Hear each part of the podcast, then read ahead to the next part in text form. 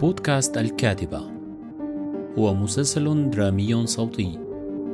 يعالج باللغة العربية المحكية جانبا من محاكمة ضابطي مخابرات سوريين في مدينة كوبلنز الألمانية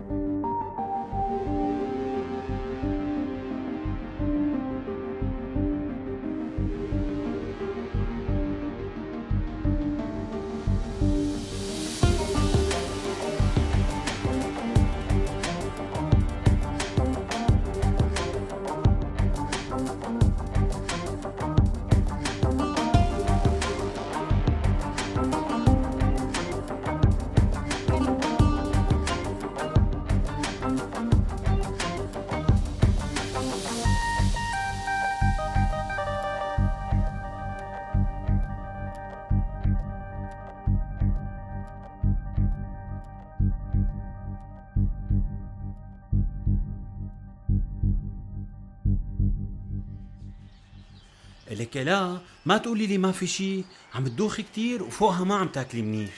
عادي حبيبي عالشوب. تعرفني إني ما بطيق الصيف. ما بعرف حاسس في شيء تاني. كلك متغيرة. معقول؟ لا ما بظن. لحظة. قد إيه اليوم بالشهر؟ ما بعرف. يمكن عندي اختبار حمل. إيه لكن يلا. لا لا لحظة مو هيك. المساء بس نخلص هي الجولة بعمل الاختبار على رواق. لا لا الله يخليكي. لا تجليها للمساء اسمع مني. أصلا هي آخر جولة رح نعملها. لأني رح أحكي لك ثلاث جلسات بقعدة وحدة. ليش ثلاثة بواحد؟ لأنه هن الجلسات اللي رح يمهدوا للحكم بحق المتهم اياد واللي رح يصير فعليا بجلسة بكرة. وبظن إنه رح يغير مسار كل شي هذا الحكم. ولازم قبل بكرة نكون خلصنا هذا الفصل. وبيعني لي إنه اليوم رح تفرجيني مشروعك صح؟ فرجيكي مشروعي واختبار الحمل وآخر قعدة مو كتار شوي على يوم واحد؟ ليش لا؟ منجرب. جاهز؟ لكي أنا اللي جاهز. هاي الجلسة كان رقمها 19 والشاهد اللي سموه P 7 سوري عمره 30 سنة. عم يشتغل هون بمطعم وعم يتعلم اللغة الألمانية. هو ما له علاقة بالمتهمين. بس شهادته مهمة لحتى يوضح للمحكمة كيف كان يصير الاعتقال بعد 2011 مو بس من قوات الأمن وكمان من الشبيحة. هذا الزلمة قال إنه بتموز 2012 أخدوه شبيحة النظام وهاي الكلمة طبعا انشرحت للمحكمة من قبل. ما كنت بعرف شو يعني شبيحة بصراحة. إيه أخدوه من حي التضامن بدمشق شافوا هويته حلب وسألوه شو عم تعمل هون. خبرهم إنه هو ولدان بالشام وعايش كمان هنيك. قام قلبوا له قميصه على راسه وأمروا إنه يضل منزل راسه وتعرض للضرب كتير بس بدون ما يقدر يعرف مين اللي كان عم يضربه. ضربوه بالإيدين وبالرجلين وبكعب السلاح ونقلوه بسيارة ورموه بأبوه لدرجة إنه وقع على ناس بدون ما يشوف مين هدول الناس ولا حتى قديش عددهم. وهنيك رشوا عليهم سائل.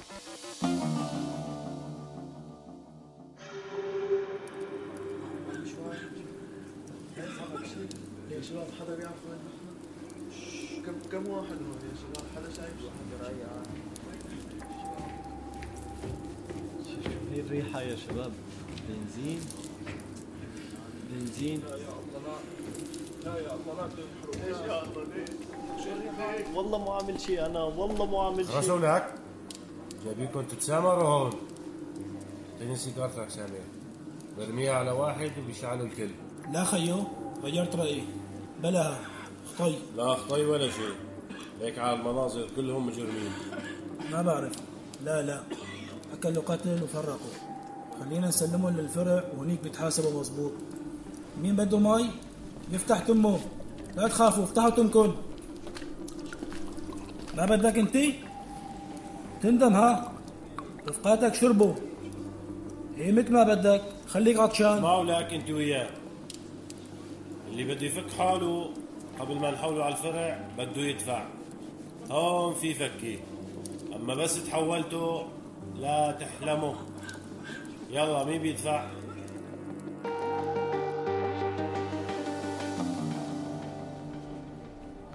لو سمحت هدوء. اليوم عدد الحضور كبير. ووسائل إعلام كمان. فأرجو من الكل يلتزم الهدوء لنكمل سماع شهادة بي سبعة. الشاهد بيقدر يتابع. أكثر من واحد عرض يدفع مئة ألف أو مئتين ألف. طبعا هدول اللي فيهم يدفعوا أخذوهم الشبيحة لبرا وما عدنا شفناهم أبدا وما سمعنا عنهم. بعدين نقلونا على فرع الخطيب. حطونا بسيارات لحمة وأخذونا على فرع الخطيب نزلونا على الأبو آه، شلحونا لبسنا فتشونا بالزلط. وبعدين فتنا لجوا على الزنازي. هلأ لأنه جابونا بسيارة لحمة وكونه اللي قبلنا كان كثير عندهم أمراض وطفح جلدي وما في نظافة ابدا. فإجا واحد الفوتة على المرحاض العفو بالدور. فوقت إجا دوره بده يفوت على المرحاض كب على حاله مي عم بخسل حاله. قام إجوا ضربوه ضربوه ضربوه ضربوه كثير. لأنه بس حاول ينظف حاله. قدموا لكم طعام؟ إي نعم. كان يجي الأكل على صينية لكل 15 شخص مخصص لهم صينية. طبعا هاي الصينية ما بتكفي ثلاث أشخاص بس ما عنا خيار تاني. كنت قلت الخبز بالمي مشان أشبع وأرتوي لأطول وقت ممكن وأكل لي لقمتين ثلاثة بطاطا. كنا ناكل أي شي خربان مدود. ما بنعرف. أي شي بحطوا لنا إياه بدنا ناكله. حسب إفادتك مو قوات الأمن هن اللي اعتقلوه ولا قوات عسكرية. فيك تخبرنا عن عددهم ولباسهم؟ الشبيحة لك. هلأ نحن بنعرفهم قبل الثورة. هن لانن متطوعين ولانن موظفين. هن يعني عالم بشيلوا روسية أو كلاشينكوف. وغالبا هدول الناس يعني حتى من قبل الثورة تعودوا على النهب والسلبطة والتعدي على العالم و... هلا بعد الثورة كتروا وصاروا منظمين أكثر. آه هن كثير مؤيدين وما عندهم رواتب بس بقى عندهم كثير صلاحيات. يعني بيقدروا يعملوا إيش ما بدهم. القاضي فيدنير رح يدير الأسئلة هلأ حسب إفادتك السابقة. تفضل. عندي سؤال للشاهد. هل تمنيت الموت نتيجة الضرب؟ لما اللي كنت معتقل؟ طبعا. الحقيقة تمنيت الموت يعني كتير. لا مرة ولا مرتين. بس بصراحة يعني مو نتيجة الضرب.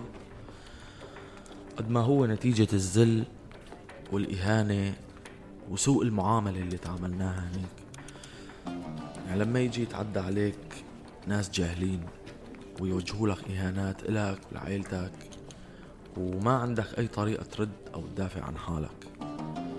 إيه طبعا تمنيت الموت كتير. وكرهت حالي وكرهت البلد وكرهت الدنيا يعني كان في ناس كبار بالعمر عم بنضربوا وبنهانوا وبنزلوا. ما قدرت اتخيلهم غير هن أهلي وأنا ما فيني أعمل لهم شيء في ناس انضربت لحتى راحت لإيد وإجر وعين. في عالم اعتقلت بدون أي سبب وبدون ما يعرفوا ليش. في واحد مثلا وصل بعدي بيوم. هذا الزلمة كان بياع خضرة. وكان معدي جنب مظاهرة قام اعتقلوه لهالسبب. وقت اللي فات هذا الزلمة وزنه بجي أكثر من 100 كيلو صح اسم الله. مشان يقعد في سبعة قاموا وقفوا مشان يقعد مشان يقدر يقعد. والكل كانوا ما متحملين حالهم. وبقية الأسئلة من القاضي فيدنر والمدعي كانت عن التهوية ظروف العناية الطبية وباقي التفاصيل اللي صرت بتعرفها. وكان الاستجواب كتير طويل ومرهق مثل العادة. عرضوا فيديوهات للفرع ليشوفوا إذا بيتعرف الشاهد على المكان على صور للمتهم وعينات صوتية. وبيضل في خلافات بين المدعين ومحامي الدفاع. وباليوم الواحد وعشرين كمان كان في شهادة تانية صار عليها خلاف كتير كبير. يبدو أنه الشاهد كان عم يتعرض للتهديد وغير بإفادته. وفيك تتخيل الفوضى. بتعرفي هي شغلة الصور والعينات الصوتية مرهقة كتير ومكلفة وحاسس ما إلها داعي بتحسي إنه المحكمة عم تحاول تبري المتهمين. بفهم عليك بس المحكمة بتعمل هيك مشان يتحققوا من الشهادات والخبراء والضحايا حتى تكون العدالة كاملة. يعني هو مزبوط كل شوي بتحس بأنه بيتغير شيء بموقف المحكمة من المتهمين. بس هيك آلية المحاكم هون وهي آلية كتير مدروسة وبتحترم البروتوكولات الدولية للقضاء. عموما رح يبين معك أكثر الرد اللي إجا على لسان السيد دويسنج اللي قلنا من قبل إنه هو مفتش بمكتب الشرطة الجنائية الاتحادية الألمانية. بالأول بديت القاضية كيربر بسؤاله عن علاقة التحقيق اللي عمله مع زميله بتقارير المنظمات الغير حكومية مثل هيومن رايتس ووتش اللي صدر بال 2017 عن صور قيصر. استند التقرير على مقابلات مع معتقلين سابقين وأفراد عائلاتهم ومنشقين. شو أهمية الاستجواب أو شو أهمية التقرير؟ فهميني أكثر أهميته إنه بيوضح طبيعة التحقيقات اللي أدت للمحاكمة وعلى شو استندوا بتحقيقاتهم ومن وين إجوا الشهود وشو علاقة ملف قيصر بالمحاكمة. يعني كيف بلشت القصة لوصلنا لاعتقال أنور وإياد. أيوة. معك معك. أول شي بملف قيصر كانت الصور مصنفة لثلاث مجموعات. معتقلين جنود مسرح جريمة. وحسب هيومن رايتس ووتش كان في لكل معتقل ثلاث أرقام رقم المعتقل ورقم الفرع ورقم الفحص. ومعظم الضحايا كانوا من الفرعين 215 و 227 اللي بتديرهم المخابرات العسكرية. وبعضهم كانوا من فروع تانية. وقيصر مثل ما بتعرف كان يشتغل بسوريا مصور بالشرطة العسكرية. ضل سنتين تقريبا لحد 2013 شهر الثامن. وحسب الأطباء الشرعيين اللي حللوا الصور ما قدر يحصل قيصر على كل الصور. طبعا بدك تعرف إنه هذا الملف والصور اللي فيه انعرض قسم كبير منهم بالمحكمة وأثر كتير على القضاة والحضور والكل. ما حدا شافهم ما انهز. أنت نفسك قلت لي إنه لما شفتهم من سنتين ضليتك مكركب كتير. ومن يومها بطلت تحكي بموضوع سوريا؟ إيه صحيح. كل حدا عنده سبب مختلف لحتى يتأثر. بس بظن العالم كله أخذ نصيبه من هي الفضيحة الإنسانية.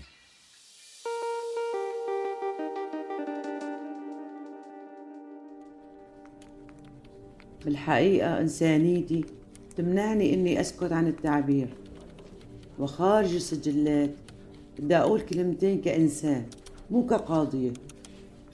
صور الضحايا اللي بملف قيصر هذا اللي شفناه اليوم. انطبع على روحي مثل البصمة لحتى موت ما بتخيل بتاريخ المجازر الجماعية. في سجل موثق أقبح من هذا السجل. وهلأ بشكل رسمي بنقل الاستجواب للقاضي فيدنير. أه بدنا يوصف لنا المحقق دويسينج من بعد إذنه طبعا. أه الإجراءات اللي بتصير من بعد الوفاة. حسب التوثيق الجثث كانت تضل وسطيا يومين أو ثلاثة بالمعتقلات قبل نقلها للمشافي العسكرية. وهنيك تنعطى أرقام وبيتم فحصها من الأطباء الشرعيين اللي بيوثقوا الوفاة على أنها صارت نتيجة لسكتة قلبية أو توقف تنفس. ممكن توضح لنا لو سمحت أسباب ال- الوفاة الحقيقية؟ حسب تقرير هيومن رايتس ووتش اللي أعاد تقييم الصور. وجد أنه كتير من الأشخاص ماتوا بسبب العنف مثل الضرب والاختناق. المعتقلين كانوا يتحاكموا لعدة دقائق وكانت إفادات المخبرين تنقبل كحقائق. ويتم الحكم على المعتقلين بهي البساطة. وسائل التعذيب المذكورة والموثقة صارت معروفة للمحكمة. الشبح الفلقة نزع الأظافر الضرب بالكابلات الكهربائية بساط الريح الدولاب وغيرها بالطبع انعدام الرعاية الصحية وسوء التغذية والاختناق والاكتظاظ بالمعتقلات. أدى كل هذا الكلام لعدد كبير من الوفيات. أه، هل تم استخدام أه، طريقة الإيهام بالإعدام لتعذيب المعتقلين نفسيا؟ طبعا. التفاصيل كلها مذكورة بالتحقيق. والحقيقة أني قدمت طلب معلومات من لجنة العدالة والمساءلة الدولية بعد الاستجواب الأول للمتهم أنور. بهدف الحصول على معلومات أكبر عن دوره بهي الجرائم ودور الفرعين 251 و 285 وعملنا مقابلات مع ممثلين من لجنة العدالة والمساءلة الدولية اللي ساعدوا بحفظ الوثائق وتهريبها برا مناطق الأزمات.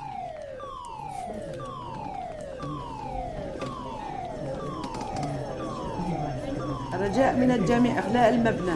ضعوا بسرعة بس كمان بدون زعر لو سمحتوا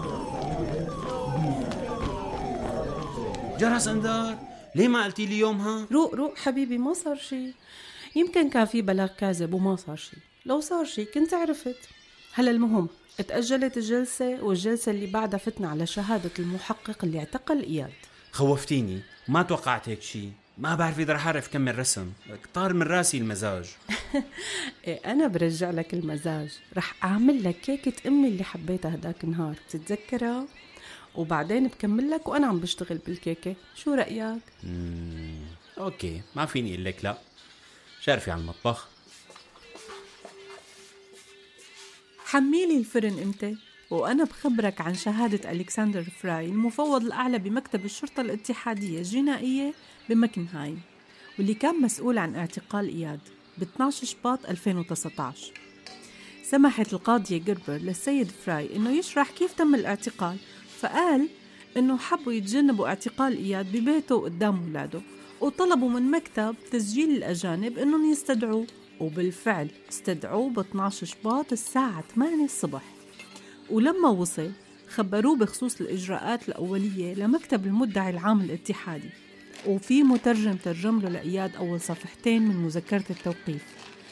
طبعا إياد تفاجأ بالتهم كتير وكانوا إيديه مأيدين ومغطيين بسترة. طلب يدخن قبل ما يروح معهم وسمحوا له وبعدين أخدوه لحتى يعرضوه على قاضي التحقيق الاتحادي وكان لوقتها وصل محامي إياد لحتى يرافقه.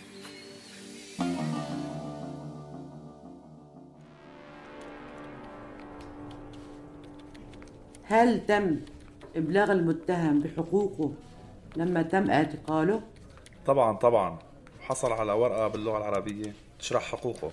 كان في مترجم فوري حاضر. ذكرت إنه المتهم تفاجأ بالتهم. هل عبر لفظيا عن هذا الموضوع؟ المتهم كان بحالة ذهول وضل عم يقول إنه في سوء فهم وإنه هو ما ارتكب شيء خطأ. وكان مقتنع إنه رح يرجع على البيت بنفس اليوم. كان متعاون طول الوقت. وتم سؤاله قبل ما يدخل لعند القاضي لو كان محتاج ياكل شيء. هل تم إبلاغ أي شخص آخر باعتقال إياد؟ كان بده يتصل بزوجته بس ما كان معه تليفونه. وما كان متذكر الرقم. وبالنهاية وصلنا لأحد أبنائه وخبرناهم كان هذا الاعتقال الأول. ليش صار في اعتقال تاني لإياد؟ إيه طبعا بحزيران وبهي المرة كانوا أفراد عيلته حاضرين وما كان في مترجم. فتولى ابنه لإياد الترجمة وقبل ما ياخدوه على القاضي تعب فأخدوه على العيادة والقاضي وصل على العيادة محل ما كانوا عم يفحصوه وهنيك وقع على مذكرة التوقيف ومن وقتها وهو محتجز. الحقيقة ما بحس إنه صحيح كتير. ابن المتهم يترجم لأبوه. يعني أنا شايف فيها مشكلة أخلاقية وتربوية. تعال تعال لعندي تعال. عطيني عبوطة. وبوسة بالمعية لك ألف طلب مثل الطلب. بس شو المناسبة؟ أنت ما انتبهت على حالك؟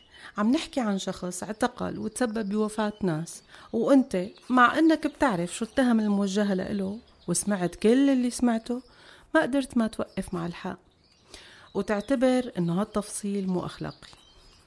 يعني إنه يضطر ابن المتهم يترجم لابوه التهم وتفاصيل الاعتقال. قيمك يا سيف بخير وأنت كمان بخير. وأنا رح حب كتير إنه نربي طفل سوا تكون أنت أبوه. وبعرف إنه رح يحصل على كل اللي بيحتاجه. لأنك مو متهور مو متحيز ولا مضيع البوصلة. أنا آسف يا روحي. عن جد آسف. على شو سيف؟ شو اللي صار؟ إني ما كنت عم أحكي لك كل شيء بس ما كنت قدران. أنا نفسي كنت عم بنكر الموضوع. خفت إذا حكيت لك يصير حقيقي أكتر. عن شو عم تحكي؟ خدي. شوفي هدول ومنهم بتعرفي؟ سيف شو هاد؟ مين هذا الشخص اللي راسمه؟ هو نفسه بكل السكتشات. يعني بيشبه كتير بس مو انت. هذا أخي محمد. انصاب بمظاهرة بال 2011 وأسعفوه من هنيك على 601 يومها كان عمره 16 سنة. ومن لما وصل على المشفى ما عاد عرفنا عنه شيء. ما رجع. ما حدا اعترف وينه. لك أهلي بطلوا يحكوا بالموضوع وصار اسمه محرم بالبيت. مر عشر سنين على غيابه. أهلي زاروا المشافي أكثر من أي مكان تاني.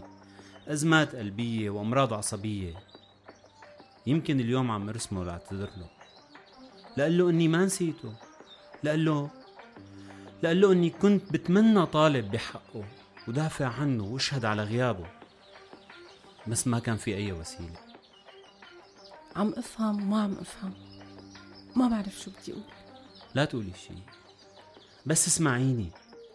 حقك علي. حقه علي. انت ما بتعرفي كم مرة فتحت على صور قيصر فتش فيهن للاقي حدا بيشبهه. للاقي حدا بيشبهه واعرف إنه مات وارتاح. لما قلت لك عندي أسبابي ما عرفت كيف أشرح لك إياهم بغير هي الطريقة. كل مشهد كنت عم تحكيه كل معتقل كل تعذيب وجوع كنت عم تخيله هو هو عم يمر فيه. بلكي بلاقي الشجاعة أرجع دور عليه على مصيره. وأخذ له حقه من اللي خطفوه من حياته مننا. محمد كان يرسم كل شيء أحسن مني. كان عم يرسم المظاهر من على سطح بيتنا لما قوسوا عليه الأمن. هذا آخر شيء عرفته عنه. ولو عندي أي فرصة اليوم لطالب فيه بمصيره أنا رح روح وطالب. زعلتي مني؟ زعلتي مني إني ما خبرتك قبل؟ لا تزعلي مني. إلدا أمانة لا تزعلي مني. لا تحكي. أنا كيف فيني أزعل منك؟ أنت بس ما كنت جاهز تحكي. حقك يا روحي حقك. وأنا بتفهم كل شي رح تقوله. وإذا بدك تلاحق مصيره بدي خبرك إنه اليوم عم تنفتح محاكمات جديدة. السوريين بكل بلد وصلوا عليه بلشوا يتحركوا. فرنسا هولندا بلجيكا. بكرة بتشوف كيف رح تنفتح كل هاي الملفات والقضاء رح يساعدهم.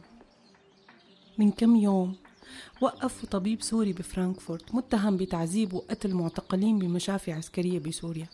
ورح يكون في محاكمة. بتحب نمشي هالمشوار سوا؟ طبعا بدي. بدي كل المشاوير الممكنة معك. إيه عطيني إيدك لحتى نشوف الكيكة بالأول. بتكون بردت. وبتحكي لي انت هالمرة أجي دورك. أنا حكيت لك بما فيه الكفاية. خليني أعرفك ونتعرف على بعض من أول وجديد ونحب بعض من أول وجديد.